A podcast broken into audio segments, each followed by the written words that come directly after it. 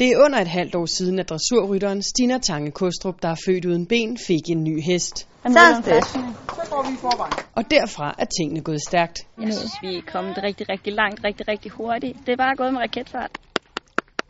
Med en hest, der forstår at ride med en lidt anderledes rytter, kan Stina Tange Kostrup til synlædende udrette mirakler. Hun har forstået, hvad det her gik ud på lynhurtigt, og jeg red DM syv uger efter, jeg havde fået hende, og, øh, og vandt. Jeg stiller så også kun op mod mig selv, men jeg red nogle pæne procenter, og ja, det er jo mere, når man kan forlange af sådan en ny hest, ikke? Hold nu energien der, når du vender.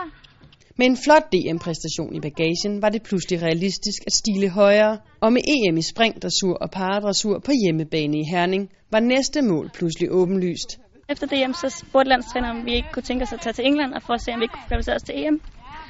Uh, øh, vi skulle ride 68 procent, øhm, og jeg rider 69,75 på første dagen og får kvalificeret mig til EM.